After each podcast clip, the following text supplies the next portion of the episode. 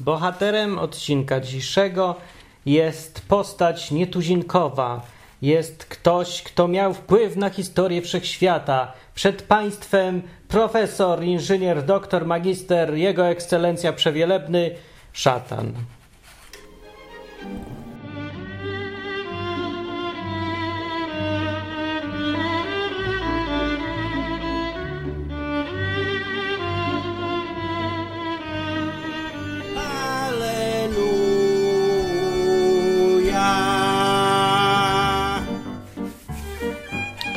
Już 4-milionowy, 300 tysięczny czy któryś odcinek odwyku, a dopiero teraz jest odcinek o tak zwanym szatanie.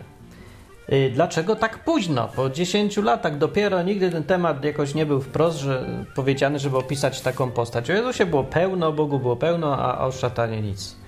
Dlatego, że to nie jest takie ważne. E, przynajmniej z perspektywy Biblii patrząc. To jest program o Biblii na podstawie Biblii i ogólnie, żeby ludzie się zapoznali z tym, co Biblia mówi. No i pomimo powszechnego podejścia do tego osobnika, ewentualnie koncepcji yy, pod tytułem diabeł, w Biblii wcale tak dużo na ten temat nie ma. Jest trochę, ale jest mało. Jest mało. Jest zaskakująco mało w porównaniu yy, z oczekiwaniami, jakie by mieli ludzie, którzy często o nim gadają. Yy, Ludzie mają wyobrażenia trzy o tym, co to jest szatan, co to jest w ogóle. Więc pierwsza koncepcja mówi tak, że to jest taka osoba, przeciwnik Boga. To jest tak, jak Bóg jest po stronie Jedi, to szatan jest po stronie Syfów, prawda? Sithów, no. To jest dobro, to jest Bóg, a szatan to jest zło. I oni się tak spierają ze sobą i tak są swoimi przeciwnikami, biją się ze sobą, są na różnym poziomie i tak się tutaj mocują. I efektem tego mocowania jest cała różnorodność świata i wszystkie rzeczy, które się dzieją. Taka jest pierwsza koncepcja. Druga koncepcja jest taka, że szatan to nie jest żadna osoba, tylko to jest jakaś generalnie jakaś siła, że tak napra- naprawdę no, no nie jest to ktoś, tylko to jest taka koncepcja, jakaś filozoficzna rzecz, którą e, sobie trzeba było wymyślić, a nawet jeżeli, nawet jeżeli jej nie ma, to i tak ją się trzeba wymyślić, bo ona fajnie pokazuje różne aspekty życia. Czyli szatan to jest taka jakby siła zła, albo zło, które w nas tkwi, ale nie, nie jest to jakaś realna osoba, ale jest takie coś. Takie coś bardziej abstrakcyjne. To jest drugi sposób myślenia. Trzeci sposób myślenia to jest szatana, nie ma kro- kropka, koniec, nie ma. Po prostu nie ma i głupota jedna wielka, tak naprawdę to jest tylko to, co wyewoluowało i nic więcej.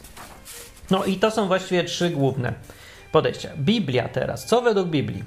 Tu nie ma żadnej wątpliwości. Według Biblii to jest osoba. Yy, jest to osoba i yy, no jest to też jakaś tam koncepcja, no ale to bardziej się bierze, z, ta koncepcja bierze się tylko z tej osoby. To znaczy to jest... Szatan jest czasem reprezentantem jakiegoś sposobu myślenia, postępowania czy coś. Jest uosobieniem zła, ale nie zmienia to faktu żadnego, że to jest osoba. Zdecydowanie i na pewno w Starym i Nowym Testamencie fragmenty o tym wszystkie świadczą. No. I więc dobra, jedno jest ustalone, to jest ktoś. Skąd się wziął? Nie wiadomo. I mniejsza z tym, tak naprawdę, bo niczego to nie zmienia. Skąd by się nie wziął? Czy się wylękł, czy się rozpączkował, czy co? Co to za różnica? Ludzie się tam często, często zastanawiałem nad rzeczami, które nie mają żadnej konsekwencji. No ja bym w tym programie chciał tego uniknąć, żeby to było praktyczne. To nie ma być filozoficzne rozważanie, tylko jakiś przydatny program. W ogóle można sobie się zastanawiać, co może być przydatnego w tym, jak się zastanawiasz o szatanie. No, no co może być? No po pierwsze to, że wiedza zwyczajnie, żeby wiedzieć, co jest napisane w Biblii, a nie powielać jakichś takich powszechnych, obiegowych opinii, które się może wyssały z palca po prostu i tyle. Więc po to, żeby wiedzieć. Po drugie, to, że jeżeli to jest istniejąca osoba, nie daj Boże, to realna jakaś, to może mieć wpływ na życie człowieka. No jak to realna osoba?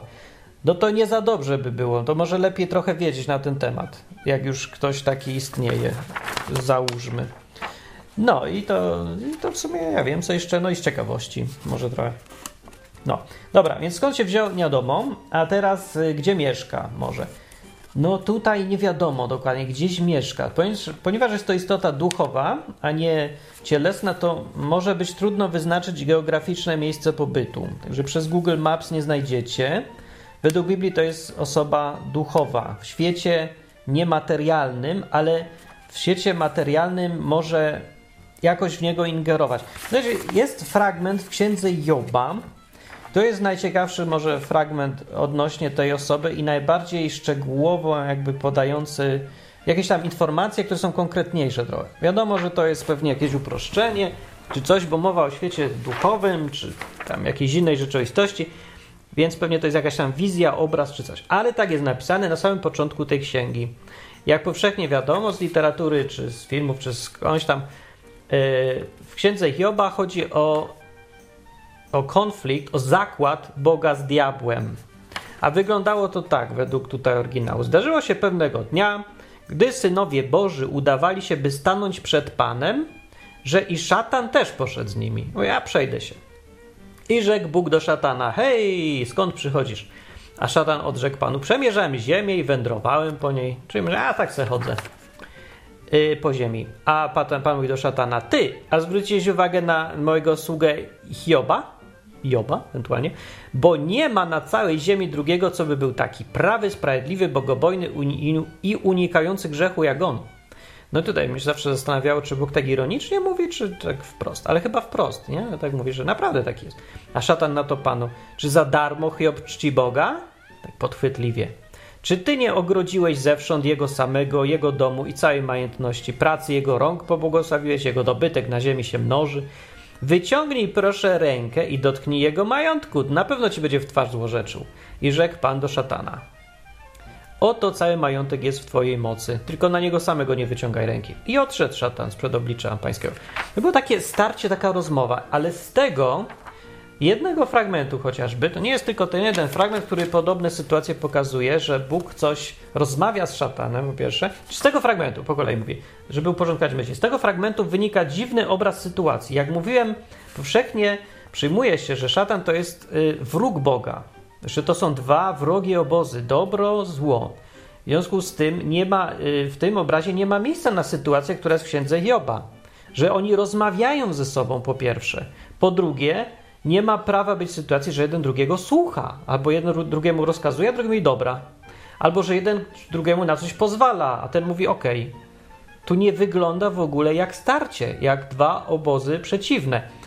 Wygląda to tak, jakby szatan poszedł razem z jakimiś innymi yy, synami bożymi, jak to jest powiedziane, jakby poszedł na audiencję do kogoś, kto stoi ponad tym wszystkim.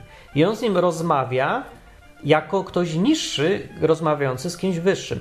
To, rozwala trochę nam wizję tego, kim jest szatan, diabeł i cała ta jego horda. Bo, bo jak mówię powszechnie, to inaczej zupełnie wygląda przecież. Nie? Że Bóg kontra szatan tu nie ma.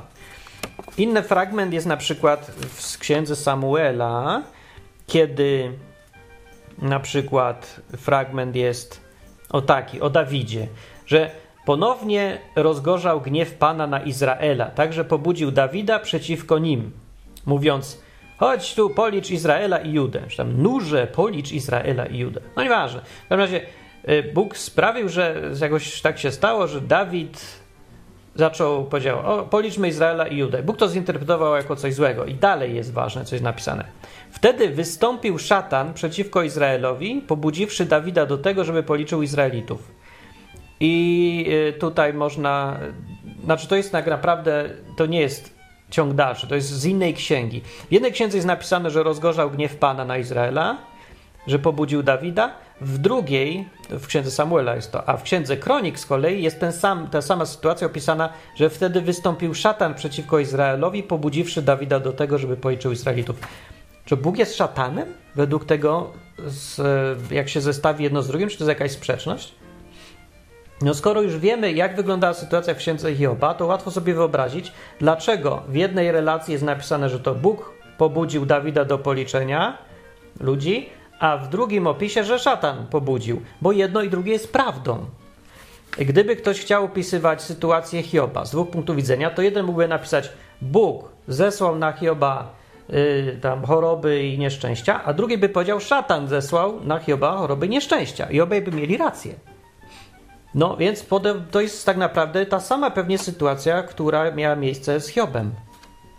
Wychodzi z tego bardzo ciekawy wniosek, że szatan działa zgodnie z poleceniem Boga. Albo że bywa, są takie wypadki. Więc tutaj dochodzimy do teraz pytania kluczowego. W związku z tym, czy szatan jest wrogiem, czy sługą Boga? I tutaj by trzeba parę sekund na zastanowienie. W ogóle, czy jedno z drugim się wyklucza? Czy można być jednocześnie wrogiem i sługą? Nie wiem, może można. Tak na, nie potrafię powiedzieć, przedstawić dowodu logicznego, który by y, przesądził, że nie można być jednocześnie wrogiem i sługą. Wydaje się to dziwne, wydaje się to trudne, ale wy, no, sytuacja z opisana w księdze Hioba i tutaj ta druga przypomina właśnie coś takiego, że ten szatan, będąc przeciwnikiem Boga, będąc w opozycji, o, jest jednocześnie sługą. To wygląda tak, jakby wyobrazić sobie jakąś sytuację polityczną. Wygląda to tak, jakby to był jeden wielki Sejm, gdzie Bóg ma prawo weta i rządzi tam, decyduje o wszystkim, ma, jest zwierzchnikiem wszystkiego, i w tym parlamencie się rozgrywają różne dyskusje czy coś. Ale wszyscy muszą słuchać tego, kto ma tą najwyższą władzę, czyli Boga. Ale jednocześnie Bóg może posyłać ich, może robić, co tam się podoba, jako taki Cezar, jakby nad tym wszystkim, ale jest interakcja, że jednocześnie wtedy można powiedzieć, że jest podwładnymi są ci wszyscy łącznie z szatanem, podwładnymi Boga, ale mogą wśród nich być ludzie, którzy się z nim nie zgadzają, wręcz wrogowie, opozycja. I to jest możliwe. No, tak to mniej więcej sobie chyba ja wyobrażam, bo trudno sobie wyobrazić to w jakikolwiek inny sposób, żeby Biblia była spójna. Yy, inny fragment tu jest jeszcze taki. W pierwszej księdze Samuela w 16 rozdziale było tak, że gdy od Saula odstąpił duch pański, zaczął go trapić duch zły, też od Pana. Rzekli więc łudzy Saula do niego: Oto duch zły od Boga cię trapi. Czy duch zły może być od Boga? No tak jest napisane. No ja tego nie zmienię, nie zmienię, nie? Ani nikt. To nie jest też kwestia tłumaczenia ani niczego. Bo jak mówię, to nie jest jeden fragment. Takich fragmentów jest więcej. Yy... No więc yy, tak dziwnie wygląda sytuacja tego szatana teraz. Jeszcze ciekawe fragmenty, które może coś wnoszą, to fragment z samego początku Biblii, kiedy pierwszy raz pojawia się ten wąż, to jest właśnie ten ktoś, ten przeciwnik w jakiejś tam postaci węża, nie wiem, czy to poetycko, czy naprawdę, wszystko jedno tak naprawdę. No ale pojawia się i robi swoje. Chłopcy i dziewczęta zeżarli to, czego nie mogli zeżreć i się jeszcze głupio tłumaczą, że zwalając winę jeden na drugiego, a, a ostatecznie na tego węża. I wtedy mówi Bóg jedno zdanie. Mówi: Ustanawiam nieprzyjaźń między e, potomstwem tego węża, między wężem a, tą, a ludzkością. Taką wojnę ustanowił Bóg. I to też jest ciekawe i charakterystyczne znowu w Biblii, że Bóg nie stawia siebie jako przeciwnika szatana. Ustanowił wojnę jako odgórny zwierzchnik, jako sędzia tego całego interesu między ludzkością a szatanem a nie między sobą a szatanem. On nie jest po żadnej stronie. Bóg nie jest, przynajmniej w tym fragmencie, po żadnej stronie, nie opowiada się, tylko ustanawia wojnę tutaj. Mówi, że będzie tutaj wojna, będziecie przeciwko sobie. Czy to jest przepowiednia, czy nakaz, czy coś? Raczej stwierdzenie faktu. Przepowiednia raczej taka niż, że każe być nieprzyjaznym komuś, no bo to jest kwestia wolnej woli, że jeden drugiego nienawidzi, a nie, że Bóg może komuś kazać nienawidź go i mówię, dobra, już go nienawidzę. No to więc to tak logika wskazuje na to, że to raczej zapowiedź. No ale tak czy inaczej, znowu Bóg nie jest stroną, tylko jest ponad tym wszystkim. W, jeszcze w objawieniu jest fragment, znaczy jest cała sytuacja opisana, kiedy jest opisana jakaś walka w niebie, że jedną trzecią, że jedna trzecia aniołów została strącona. Czy to jest mowa o zdarzeniu, które było, czy o tym, jak, które będzie, to ja nie wiem. To jest dobre pytanie, ale jest opisane takie zdarzenie. I tam jest y, napisana wojna. Kto przeciwko kim? Kto przeciwko komu walczy? Przeci jedną stroną jest szatan i jego y, wesoła kompania y, obrzydliwych demonów i różnych innych takich stworów. Ja, ja nie wiem. W każdym razie on jako przywódca, a po drugiej stronie jest kto? I tutaj właśnie człowiek się powinien spodziewać, że Bóg. Aniołowie czy tam coś, ale Bóg. A tu nie. Wcale nie. Przeciwnikiem szatana w starciu bezpośrednim jest jakiś tam archanioł, Michał zdaje się, czy któryś. Więc to są równi przeciwnicy tej samej kategorii w tym samym miejscu, na tym samym polu bitwy. Jeżeli jest jakiś, jakaś antyteza, jakiś przeciwnik bezpośredni yy, tego szatana, to nie jest nim Bóg, tylko Archanioł Michał.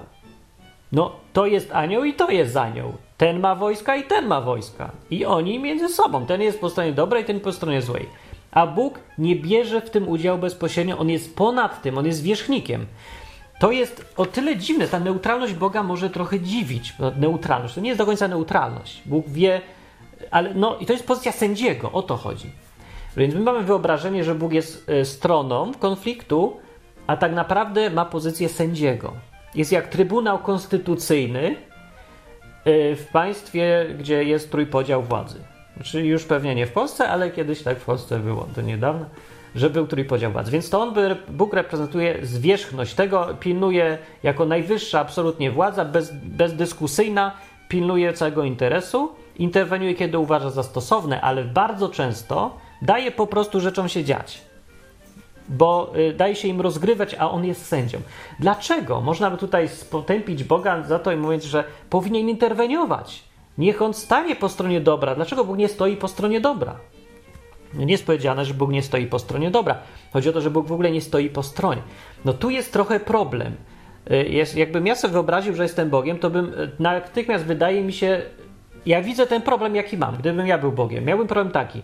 Jeżeli stanę po jakiejś stronie, po stronie dobra i zacznę brać udział w życiu wszystkiego, to będę, to tym samym konsekwencją będzie to, że ograniczę ludziom wolę i nie tylko ludziom, wszystkim istotom ograniczę możliwości działania. Bo ja jestem najwyższą władzą i wszystko, co zrobię, to się stanie. Więc nie mają te istoty możliwości działania zupełnie. Jeżeli ktoś spróbuje okłamać drugiego, to ja przyjdę interweniuję, więc nie będzie miał takiej możliwości. E, chodzi o to teraz, że Bóg stworzył świat nie po to, żeby sam wszystkim tym ruszać, tylko żeby te rzeczy się działy same. No i to, to gdybym, mówię, ja był Bogiem, byłbym Bogiem, to bym chciał zrobić taką symulację, taką grę pod tytułem Ziemia, albo Wszechświat nawet, taką szerszą grę, e, w której gracze grają samodzielnie, a ja se mogę obserwować. To znaczy, że ja nie mogę interweniować za każdym razem. Muszę pozwolić rzeczom się dziać. Muszę więc ograniczać interwencje. W związku z tym, jeżeli chcę pozwolić w ogóle, żeby cokolwiek się działo na tej planecie i w innych miejscach, jakichś tam duchowych, no to muszę przyjąć pozycję sędziego, a nie gracza w tej grze, bo jestem po prostu za silnym graczem i wszystko bym zdominował i gra nie ma sensu. Nie ma sensu, by było grać. No więc jak sobie tak pomyślę, tak trochę rozkminię to, to filozoficznie mi na to wychodzi, że takie jest wytłumaczenie tego, tej pozycji Boga, która jest przedstawiona w Biblii w stosunku do szatana. Że szatan ma prawo do niego przychodzić, ma prawo z nim rozmawiać, może go kusić, może go zakłady z nim robić, wykonuje też jego polecenia, co jej się wydaje nie do pomyślenia w sytuacji, kiedy Bóg jest kimś dobrym generalnie i życzy nam dobrze. Więc jak może wysyłać szatana, żeby robił to, co chce Bóg? No, może, bo Bóg z kolei, yy, znaczy, no, najwyraźniej może, bo tak robi, po prostu tak jest to opisane w Biblii. To nie znaczy, że Bóg jest zły, tylko po prostu robi to, co ma do, do zrobienia. Bóg potrzebuje jakieś brudne, yy, jakąś tam brudną dwunastkę, jak się to nazywało? Parszywą dwunastkę, to jest taki szatan, wtedy jego wysyła do robienia brudnej roboty bo częścią planu Boga jest czasem zrobienie brudnej roboty, jak widać z Biblii. No może to, się, to wszystko może być straszny cios dla tego, kto teraz słucha. Jeżeli ktoś sobie to w uproszczeniu wyobraża, że Bóg robi tylko dobre i nie zsyła nieszczęść, to w ogóle to jest, to ja nie wiem, jakim cudem ktoś czyta Biblię i jej nie potargał w kawałki. No przecież mówimy o Bogu, który zesłał w końcu potop na ziemię i wszystkich wytopił. Więc to, no trzeba trochę podejść do tej Biblii, biorąc to, co tam jest napisane, a nie wymyślać sobie własnej koncepcji Boga. Albo wyrzucić Biblię kompletnie na śmietnik, bo cała Biblia nie ma sensu, jeżeli się uzna, że Bóg nie, ma pra- nie zrobi niczego złego, że szatan jakby robi sam z siebie coś złego, a Bóg tego nie kontroluje. Przeczytałem wam trzy fragmenty, z których wynika jasno, jest wprost napisane, bez żadnych potrzeby domysłów, bez pola na interpretację, że Bóg sam robi coś złego i używa szatana w tym celu. Że w tych sytuacjach szatan robi wszystko zgodnie z wolą Boga. Bywają takie sytuacje. Oczywiście nie zawsze i pewnie raczej rzadko, tak naprawdę, ale bywają takie sytuacje. Z czego płynie nauka, że szatan nie jest wrogiem Boga bezpośrednim, tylko jego sługą, podwładnym. Ale nie jest kimś, kto jest po stronie Boga. Jest jednocześnie podwładnym i jest jednocześnie w opozycji. Jednocześnie musi, słucha, bo widocznie musi.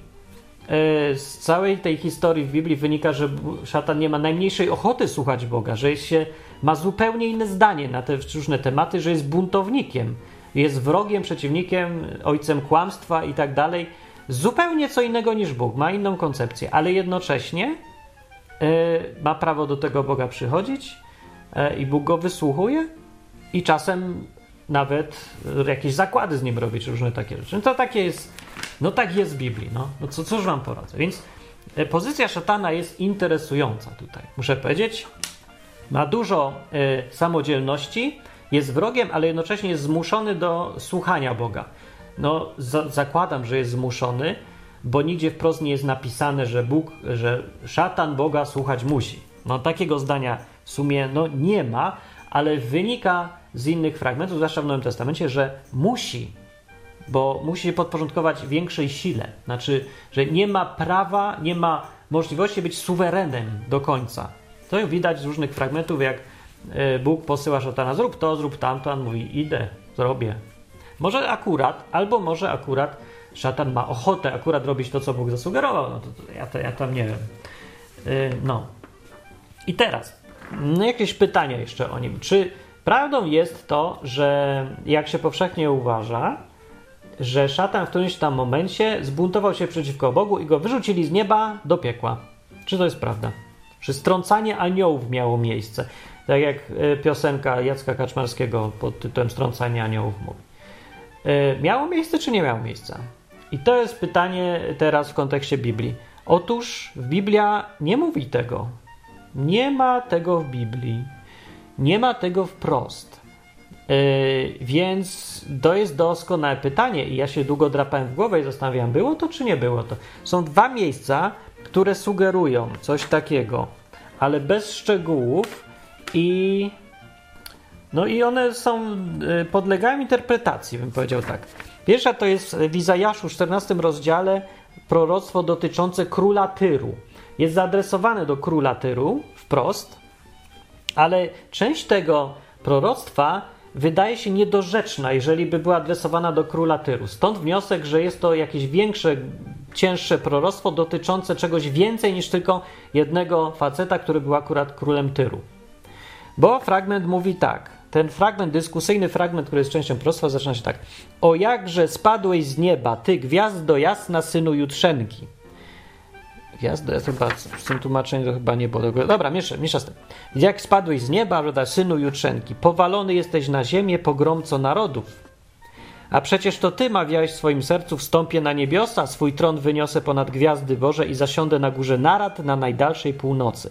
Wstąpię na szczyty obłoków, zrównam się z najwyższym. A oto strącony jesteś do krainy umarłych na samo dno przepaści. To jest ten fragment. Z tego fragmentu i tylko z tego fragmentu w Biblii wyciągnięto tą historię, że szatan został strącony z nieba. Czy to ma uzasadnienie w Biblii? Średnie, powiem. Ja, ja tego nie widzę tutaj. Znaczy, ja rozumiem, widzę koncepcję taką, że ten fragment nie, nie może dotyczyć króla Tyru, bo bez jaj. Chyba, że to jest jakaś taka przenośnia, ale to strasznie rozbudowana i za bardzo szczegółowa jest ta przenośnia. No bo król Tyru, no jak, czemu jest do niego, że spadłeś z nieba? Że powalony jest na ziemię z tego nieba, że chciał się zrównać z najwyższym, z Bogiem, znaczy zasiąść gdzieś tam na tych jakichś tam miejscach, które brzmią jakby były z jakiejś gry RPG. Jakaś góra narad na najdalszej północy. Co to w ogóle jest? Zrównam się z najwyższym. Co? Król Tyru? Bez przesady. Była wtedy w tamtych czasach taka koncepcja, w Biblii, wynika ona z Biblii, że każdy naród albo królestwo, jakaś taka zorganizowana struktura, powiedzmy, no ale w uproszczeniu powiedzmy, że, że kraj. Więc, że każdy kraj i król tego kraju zwłaszcza ma reprezentanta w świecie duchowym, jakiegoś zwierzchnika sił, jakiegoś takiego superanioła, archanioła czy tam kogoś. I a, mówiąc do króla albo do tego właśnie kraju, jednocześnie mówimy o tych siłach duchowych, że wojna, która się toczy na ziemi, jednocześnie toczy się w tym świecie duchowym. Że na przykład Polska miałaby jakiegoś tam swojego, nie wiem, patrona, reprezentanta czy coś, że aniołem Polski byłby tam, nie wiem, y, jakiś archanioł Kowalski i powiedzmy aniołem Rus, Rosji by był archanioł Wania i prawda, archanioł Wania jak się pokłóci z archaniołem Kowalskim, to, to wszystko ma odbicie na ziemi. Że siły duchowe wpływają na władców ziemi, albo odwrotnie może też, ale bardziej raczej w tą stronę. No, więc taka koncepcja wynika z Biblii rzeczywiście i z tego może płynąć wniosek, że proroctwo, które dotyczy króla Tyru, dotyczy jednocześnie jego reprezentanta w świecie duchowym. To ja wyciągnąłem, nie czytając żadnych książek. Od razu mówię, nie czytałem na ten temat żadnej książki, tylko z Biblii to wyciągnąłem. Bo po prostu sama, z samej Biblii to wynika. Czy ja to dochodzę do słusznych wniosków, czy nie, no to, to ja już nie wiem. Tak naprawdę nie ma tego jak sprawdzić specjalnie. Ale jeżeli wziąć to pod uwagę, to wtedy interpretowanie tego fragmentu o spadaniu z nieba szatana ma sens. No przynajmniej jest do pomyślenia. Nie wydaje się absurdalnym wnioskiem, które jest na niczym nie oparte. Na czymś tam jednak jest oparte. No, więc to wam powiedziałem całą chyba koncepcję. Chyba, że jest coś jeszcze, o czym ja tutaj nie wiem, co pozwala wymyślić, że szatan spadł z nieba. Ale więcej Biblii o tym nie ma, poza jednym fragmentem z Nowego Testamentu, jednym jedynym. W Ewangelii Łukasza w 10 rozdziale powiedział raz Jezus zupełnie jakoś przy okazji innej sprawy, trochę na temat, a trochę nie na temat, ale powiedział tak. Rzekł więc do nich: Widziałem, jak szatan niby błyskawica spadł z nieba. O. I to, to jest mocny argument. Zakładając, że Jezus był tym, kim jest, że można go słuchać, że wie o czym mówi, że rzeczywiście tam był i widział tego szatana, jak spadł z nieba, no to mamy bardzo mocny argument za tym, że ta interpretacja proroctwa z Izajasza o tym synu Jutrzenki, co spadł z nieba, była prawidłowa jednak, że to jednak prawda, to było proroctwo, raczej relacja wydarzeń, które miały miejsce w świecie duchowym, że ten szatan wziął i spadł z nieba. Jezus go widział, że spadł z nieba. Ale więcej szczegółów nie ma, więc nie wiadomo w jakich to było okolicznościach, nie wiadomo czy to było karą, za coś. No, z proroctwa wynika, że to była, był rezultat pychy, dumy, ambicji tego szatana. Był ambitny, w końcu go wypieprzyli. E, stosunek jego do ludzi albo do ludzkości. No jak już mówiłem, w Biblii było napisane, że Bóg ustanawia nieprzyjaźń. No i jest taka nieprzyjaźń, więc ogólnie też w wielu miejscach Biblii szatan jest nazwany przeciwnikiem, ojcem kłamstwa, wrogiem, ale nie jest powiedziane dokładnie czego. Ludzkości chyba przede wszystkim.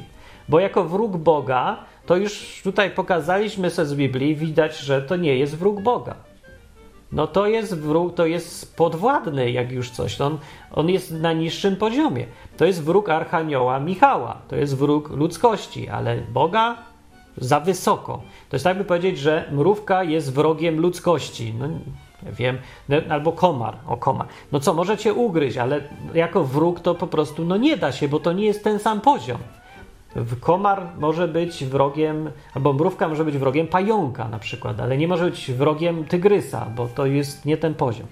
No, w każdym razie y, pozycja, mówię, szatana w świecie chrześcijańskim jest taka. Pierwsza, jedna rzecz, która, gdzie tutaj w ogóle szatan występuje i należy się nim zajmować, to jest to, że się wyrzuca jego służących. Wyrzuca się ich w cholerę. Łącznie z nim samym. Gdyby na przykład kogoś zechciało pętać, Jezus powiedział, że jego siła jest najwyższa w tym świecie duchowym.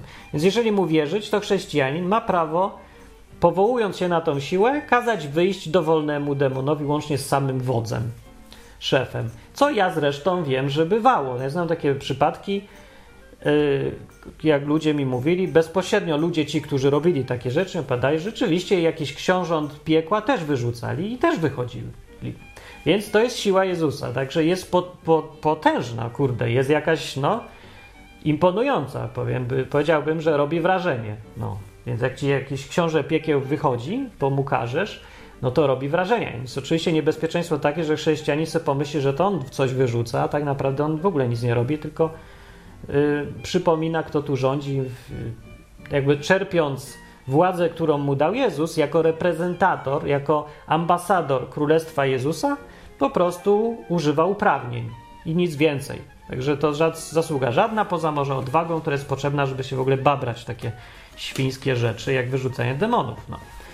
Więc, yy, dobra, i na tym właściwie, chociaż nie, na tym jeszcze nie koniec, bo Problem wśród chrześcijan jest taki, że z tego co zaobserwowałem, wielu takich bardziej charyzmatycznych chrześcijan, co tam lubią ten świat duchowy, pewnie też gry RPG, y, to wielu z tych chrześcijan więcej czasu spędza na gadanie do diabłów wszelkich, szatanów, demonów, niż do Boga.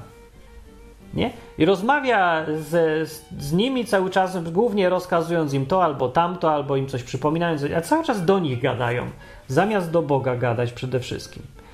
Y, w sensie, że tam wyrzucają demony, najróżniejsze w ogóle strasznie dziwnych rzeczy, demon kataru, demon nieśmiałości. Muszę być demon nieśmiałości w ogóle, to jest w ogóle jakaś niedorzeczność. No ale dobra, nieważne. Więc, y, no i gadają tak cały czas do niego. Albo jak kazania są, to bardzo często tam w tych y, kazaniach występuje szatan. W ogóle są takie kościoły, co nie słyszałem ani jednego kazania, żeby tam w diabła nie było w nim. Zawsze gdzieś tam siedzi. Ciągle o nim jest mowa, ciągle się o nim gada. Że nam coś nie idzie w życiu, bo to wpływ szatana. Że coś się nie udało, bo szatan. Boli cię głowa, to szatan ci przysłał ból głowy. Wszędzie jest szatan. No więc jeżeli to podejście jest uzasadnione, to powinno mieć, być adekwatne w Biblii. Powinno być to samo podejście Biblii. Pytanie teraz jest takie: ile miejsca w retoryce biblijnej, w listach apostołów do, tam, do chrześcijan, w wypowiedziach Jezusa, yy, w objawieniu, w objawieniu to jest sporo akurat. No do, dobra, w listach i wypowiedziach Jezusa, ile miejsca jest dla szatana? Jak często się nim gada po prostu Biblii? No to ja powiem, że rzadko, bardzo, bardzo rzadko. Jest sporadycznie. Yy, głównie chrześcijanie w listach, jeżeli się weźmie listy, co w listach jest macy, jak powinni żyć chrześcijanie, jak coś rozumieć, jak coś robić. Tam jest skupienie się na tym, jak chrześcijanin powinien żyć. I głównie skupianie się na tym, jak radzić sobie z innymi ludźmi, z przeciwnikami, którzy nam coś tam, głównie tam wtedy z Żydami, którzy do tych chrześcijan się strasznie czepiali, albo mówili, że muszą się obrzezywać, albo w ogóle były walki o władzy jakieś, albo pedajmy różne głupoty. No więc apostowie pisali, głównie Paweł, na te tematy, no każąc sobie radzić z tymi ludźmi. Do Boga odwołanie jest bardzo często przy tym, bardzo dużo, żeby się modlić do Boga, żeby czerpać z Niego jakieś tam te, te dary, co, co dał, to żeby ich używać, tych darów, żeby pamiętać, jaki był Jezus, żeby pamiętać o tym, co zrobił i wyciągnąć z tego wnioski. To o tym jest dużo, tak, tak. Ale o tym, żeby y, zwracać uwagę w ogóle na to, jaką rolę w tym gra szatan, to jest tak mało, że prawie nic właściwie.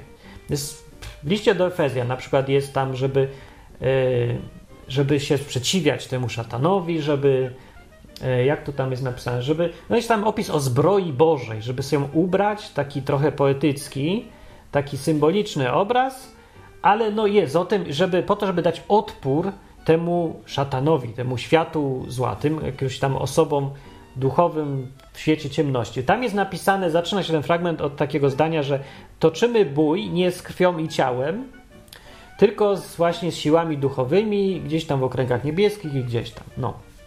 I potem jest powiedziane, co w związku z tym trzeba zrobić.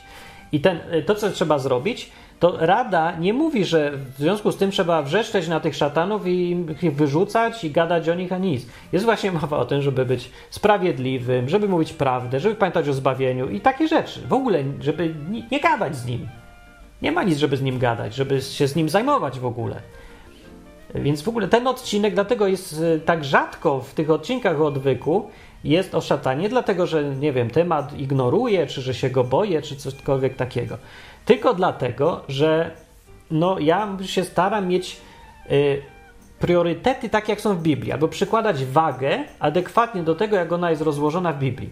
Waga do roli szatana w Biblii nie jest składziona tak bardzo. Jest po prostu y, raczej kładziona waga na to, kładzona, kładziona. No, waga jest przykładana do tego, żeby żyć tak jak Jezus, żebyśmy my żyli tak jak Jezus i żebyśmy na Bogu się skupiali, cały czas na Bogu. Patrzeć na Boga, gadać z Bogiem, modlić się do Boga, myśleć o tym, jaki był, naśladować Jezusa. I być do siebie nawzajem, do ludzi fajnym. Tak jest powiedziane. Dobra, po drugie, żeby sprzeciwiać mu się, jest powiedziane. Sprzeciwcie się diabłu, to od was ucieknie. To Jakub tak pisał w liście. No i tyle właściwie. Sprzeciwiaj mu się i, i już. Nie zawracaj sobie głowy więcej. Masz musisz sprzeciwić, nie słuchać. Już. No co jest jeszcze? O tej zbroi Bożej, co mówiłem, żeby odpowiedzią na to, że toczymy bój, było nie właśnie skupianie się na tymi jakichś siłach duchowych, tylko na tym, żeby być sprawiedliwym, mówić prawdę, mieć przyłbicę zbawienia i zgłosić Ewangelię i takie rzeczy. Tym, po prostu rzeczami niezwiązanymi właściwie bezpośrednio z tym światem duchowym, ani z szatanem. I właśnie no, to jest rola szatana w Biblii. No właśnie nie ma żadnej. W ogóle jest, jakby w ogóle o nim nie gadać, tak naprawdę, gdyby chrześcijanin nie wiedział, że istnieje szatan, to nic by to nie zmieniło. No poza sprawą wyrzucania demonów, która jest już bezpośrednim zaangażowaniem się w tą sprawę, nie? Ale poza tym nie, nic nie potrzeba. Czy ty musisz studiować strukturę kurzu, żeby mieć czysty pokój? Musisz czy nie musisz? No nie musisz. Nic musisz, nie musisz wiedzieć o kurzu. Nie musisz y, wchodzić w kontakty z kurzem, nie musisz dyskutować o kurzu, nie musisz w ogóle o nim gadać, ani się nim zajmować. Jedyne co musisz, to skupić się na środkach czyszczących. Im bardziej będziesz się mył, tym mniej będzie kurzu. I wystarczy, że się zachęcisz do, y, do operowania wodą, będziesz myślał o wodzie, będziesz myślał o mydle, będziesz sobie gromadził szczotki i szmaty i tylko na tym się skupisz. Nie musisz nawet wiedzieć, że istnieje kurz wtedy. Będziesz się ścierał, będziesz się mył wszystko i w ogóle nawet go nie zauważysz. On jest nieważny e, w praktycznym, e, dla praktycznego życia. No, więc to jest dosyć ważne, tak wynika to praktycznie z Biblii. Gdyby tak nie było, to przecież by było bardzo dużo w listach, w Nowym Testamencie i w wypowiedziach Jezusa, by było bardzo dużo zachęty do tego, żeby się na tym szatanie skupiać, żeby o nim gadać, żeby, nie wiem, go ciągle by było o nim mowa. No. Ale on w ogóle nie jest w centrum uwagi, to jest drobiazg taki. No jeszcze jakieś pytanie na koniec, czy szatana należy się bać? Otóż według Biblii nie, nie, nie chrześcijanie. Znaczy dla chrześcijan odpowiedź brzmi nie. Dlaczego? No dlatego, co powiedziałem, że Jezus powiedział odchodząc, że dana mi jest wszelka moc na niebie i ziemi. Powiedział, że dał władzę uczniom, władzę. Y, no, możliwość, powiem to, uczniom wyrzucania demonów i w ogóle korzystania z tej jego mocy, dopóki go reprezentują. Więc no ja mówię, nie ma się czego bać, bo ten najsilniejszy jest po naszej stronie. To jest tak, jakby być sojusznikiem Stanów Zjednoczonych, to się nie trzeba bać Zimbabwe, nie? No to na tej samej zasadzie. Jesteśmy sojusznikiem Stanów Zjednoczonych, to jakiś to był no, by był nonsens, żeby y, mieć respekt co do Zimbabwe teraz i gadać o tym w ogóle i się nim zajmować się Zimbabwe. Co nas to obchodzi? Jak się trzymasz, powiedzmy, kogoś, kto ma największą armię świata, to ty się będziesz przejmował Zimbabwe teraz. No, więc się nie należy przejmować i Biblia nigdy nie mówi, że należy się przejmować. Jezus raz powiedział, że y, należy się bać. Bóg powiedział tak: bójcie się tego, kto ma moc wrzucić do piekła. Coś takiego, do, do ognia, czy coś takiego, po śmierci. No, tego się bójcie, powiedział. Bo go zapytali, że czego się tam bać, czy coś. I on powiedział, że nie należy się bać ludzi, zdaje się. Nie należy się bać, tak, no, jakichś tam ludzi. Tylko właśnie raczej bójcie się tego, kto ma władzę wrzucić do ognia nieugaszonego. No. I yy, no i kogo miał na myśli? Więc na pierwszy rzut oka mogłoby się wydawać, że właśnie szatana. No jako kogoś, kto ma tam piekło, to szatan się kojarzy. Ale to nieprawda. Kiedy się znaczy, to nie może tak być. Z kontekstu, jak się wczytać w to, to wynika, że może to być tylko Bóg. Tylko Bóg jest osądzającym i to On wrzuca ludzi do, do tam ogniów. A nie szatan. Szatan w ogóle nic nie robi. Znaczy, on robi tylko to, co ma zlecone do roboty. I to, co jest w jego zakresie działania. Ma jakieś tam swoje pole wyznaczone. Poza tym polem nie może robić, co chce. No, może to jest jedno z takich jego kłamstw i oszustw, które mi się udało Y, jakichś dobrych PR-owców ma, nie? I przekonał wszystkich, że tak naprawdę szatan ma takie nieograniczone możliwości działania, bo jest suwerenny, bo jest obok Boga, bo jest alternatywą dla Boga. W rzeczywistości to jest nieprawda, według Biblii. Y, były sytuacje, kiedy wykonywał polecenia Boga. Są sytuacje, kiedy Bóg mu na coś nie pozwala. Jezus ma wszelką moc i władzę, żeby zawsze zastopować wszystkie poczynania szatana oraz jego kolegów. Więc to jest, ma prawo weta, może go zlikwidować, jak ma ochotę jutro nawet. Wszystko, w całości. Ale jak mówię, Bóg ma pozycję jednak sędziego i obserwatora dużo, więc pozwala rzeczom się dziać. Dał nam ten świat. My jesteśmy tutaj ludzie inne stwory też. Jesteśmy, dostaliśmy fantastyczny, fenomenalny prezent. No już na koniec powiem tego odcinka. Tym prezentem jest wolna wola, jest realna władza nad naszym życiem dookoła. My, Bóg nam stworzył warunki, w których możemy być naprawdę na tyle wolni, na ile to jest w ogóle możliwe. Maksimum wolności. Nie jesteśmy tylko pionkami, którymi Bóg sobie rusza. Dał nam autentyczną możliwość korzystania z naszej woli. To, co chcemy robić na ziemi, to się stanie. Odpowiedzialność dlatego jest na nas i jest olbrzymia. Bo to nie znaczy, że możesz sobie robić błędy, możesz komuś odciąć rękę, a Bóg go uzdrowi. Nie uzdrowi go. Właśnie dlatego, żebyś ty mógł odpowiedzialnie, jako wolny człowiek, mieć prawdziwe decyzje, które mają prawdziwy wpływ na wszystkich dookoła. Dlatego też Bóg tak surowo i tak bezwzględnie potem osądza ludzi za to, co zrobili, bo dał nam odpowiedzialność, żeby, bycia, żeby wpływać na ten świat. On nie ingeruje w to, bo nam zostawia tą wolność. Więc każdy człowiek musi być odpowiedzialny, czy chce, czy nie. Nie, może, nie ma sytuacji, że można się zrzec teraz. Ja chcę być tylko. Ja, ja nie chcę decydować, ja nie chcę mieć odpowiedzialności. Trudno, nie masz takiego wyboru. Już, już żyjesz na tym świecie, będziesz rozliczony, bo swoim działaniem masz wpływ na innych ludzi. To jest odpowiedzialność i trzeba sobie ją na siebie wziąć. Aha, a jeszcze końcówka y, losu szatana. Co go tam czeka w przyszłości? No w teraźniejszości to on y, no, zajmuje się jakimiś swoimi interesami ogólnie, nie ma za specjalnej sytuacji, bo zapowiedziane jest w Biblii, że na końcu przegra i trafi do jeziora płonącego ogniem i siarką. Tak to jest opisane. Co to w rzeczywistości jest, to ja nie wiem, czy to jest fizyczna siarka, taki pierwiastek, czy coś innego, czy to tylko taki obraz. Wszystko jedno. Pewne jest to, że to nie jest przyjemne miejsce. No, to takie jest zakończenie jego kariery. E, plusem jest to, że jest w opozycji, ma pewną e, pole działania, jest suwerenny do jakiegoś tam stopnia, ale nie jest na równi z Bogiem, nie jest niezależny od Boga, nie ma prawa sprzeciwiać się Bogu i znaczy prawo to ma, ale nie ma mocy, możliwości e, robić coś, czego Bóg nie zaklepie i nie zaakceptuje tego ostatniego też wynika, że nie ma sensu w ogóle zajmować się szatanem. Bo jeżeli cokolwiek on robi, jeżeli cokolwiek robi szatan, to Bóg musiał się na to zgodzić. W związku z tym nie ma po co iść do e, sługi, kiedy można iść do kierownika. Jak nie gadasz sobie ze sklepikarzem w sklepie, e, jak masz problemy, tylko wołasz kierownika. Z kierownikiem szatana jest Bóg. Bóg jest kierownikiem każdego po prostu. Więc y, nie ma, mówię, najmniejszego powodu, żeby się zajmować tym sprzedawcą, więc jak ci działa na nerwy, jak nie chce słuchać, jak jest jakiś e, niesubordynowany, to idziesz do kierownika, idziesz do Boga i już. To był odcinek o tym, kto to jest szatan.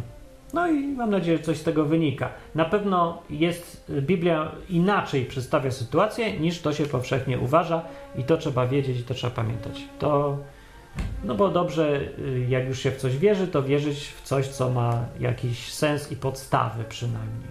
No, jak już się czegoś trzymać odnośnie szatana, to myślę, że najlepiej tego, co mówi Biblia.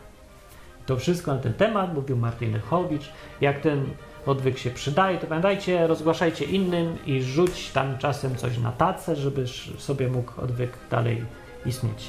Do następnego odcinka. Dobranoc. Cześć.